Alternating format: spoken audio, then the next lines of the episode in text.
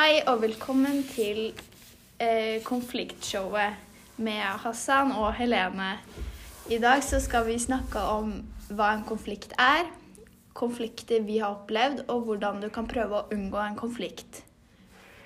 Så Hassan, det er veldig mange som kommer opp i konflikter hver dag. Vil du forklare litt hva en konflikt er?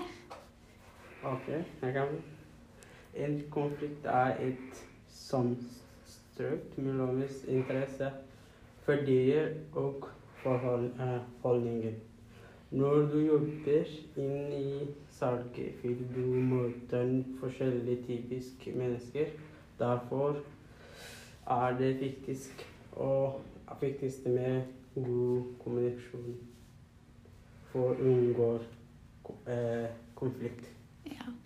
Eh, og konflikter det kan være en trussel mot både medarbeiderens sikkerhet, sånn både fysisk og psykisk. Og hvis vi har kunnskap om og er forberedt på hvordan man skal forholde seg til konflikter, så kan man lett løse dem og faktisk eh, lett også unngå dem. Så konsekvenser av konflikter i arbeidslivet kan være dårlig arbeidsmiljø, uvennskap, krenkelser, dårlig selvtillit, sykemeldinger, dårlig kundeservice, dårlig omdømme for butikken og redusert omsetning.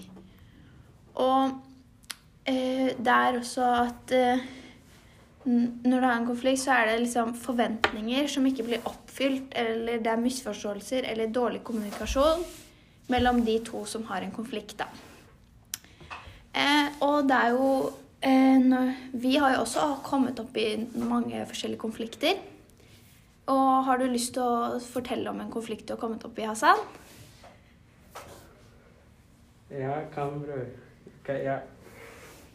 Konflikt er som jeg har lest, er en dag jeg spurte faren min kan du kjøre meg til Kabben, og han sa til meg jeg kan ikke kjøre i dag. Mm. Og fordi jeg interesse og jeg spurte en gang til, og han sa til meg nei. Og etter det jeg spurte fotball, eller fotballgruppen i Facebooken, og jeg sier kan jeg, jeg kan nå kjøre til meg til Kabben. Og jeg har fått tilbakemelding. Ja, så da fikk du lett løst den konflikten ved å spørre noen andre, da. Ja. Ja. Og har du noen positive og negative erfaringer? Altså hvordan gjorde, har du gjort det noe annerledes neste gang hvis du har spurt faren din? For at du, han skal si ja, eller at Eh, Ja, jeg har spurt Ja. for en dag for for å få jeg tilbake svaret ditt før, hvor jeg spør noen andre. ja. Eh, En konflikt jeg har kommet opp i, hvert fall, er eh, en helg så faren min han skulle gå på langrenn. Og jeg er ikke så fan av langrenn, men eh, jeg ble med for det. Og eller først så ville han ha meg, og jeg sa nei. Og så Han ble litt irritert, for han syntes at jeg burde være med. Så da fikk vi en konflikt.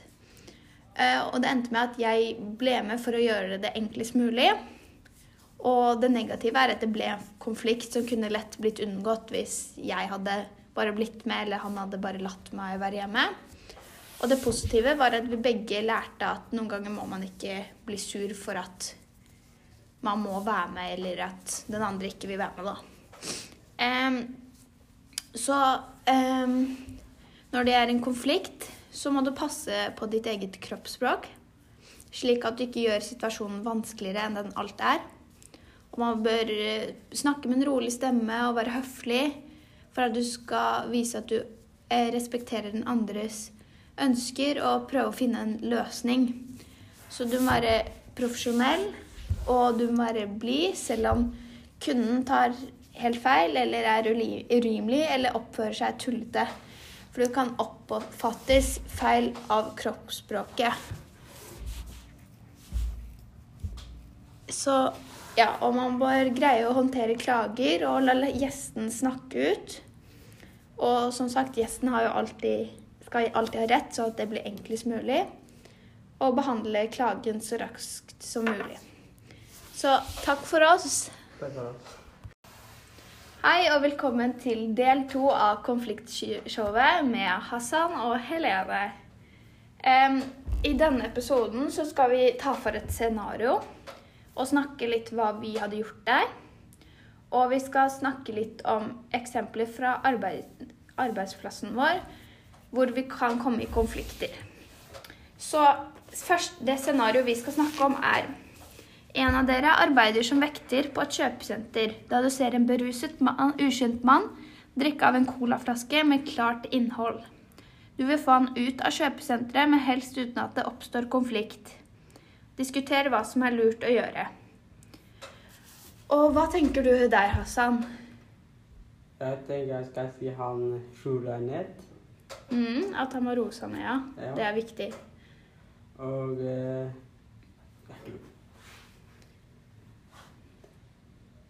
Og behandling krumpen rulle ned og Ja, og så det, det vi kanskje kan gjøre, er at eh, vi må være høflige med han og bare be han pent om å gå ut. Og hvis han ikke vil gå ut, så må vi jo gjøre noe, men eh, altså Bare være høflig, hjelpe han ut hvis han trenger det, og si at du må dessverre gå ut, du kan ikke være her inne. På en hyggelig, høflig måte, så at han kanskje kan være hyggelig tilbake, da, tenker jeg. Og så er det rett før utgangsdøra stopper mannen og sier 'jeg skal ikke ut'. Hva gjør du? Jeg skal ringe politiet, eller kan du gå ut? Ja, det er, det er smart valg, fordi de fleste er jo redd for politiet. Så hvis du sier det, så er det jo Da vil han kanskje lettere gå ut. Så det er Og det er på den Han vekteren må være autoritær fordi at han bestemmer liksom hva man skal gjøre, fordi han må, mannen må ut av senteret, og da blir denne vekteren autoritær som bestemmer at han skal ut, og at han ikke kan være der.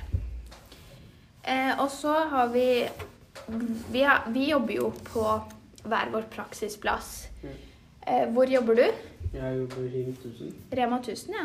ja. Jeg jobber jo på Scandic hotell.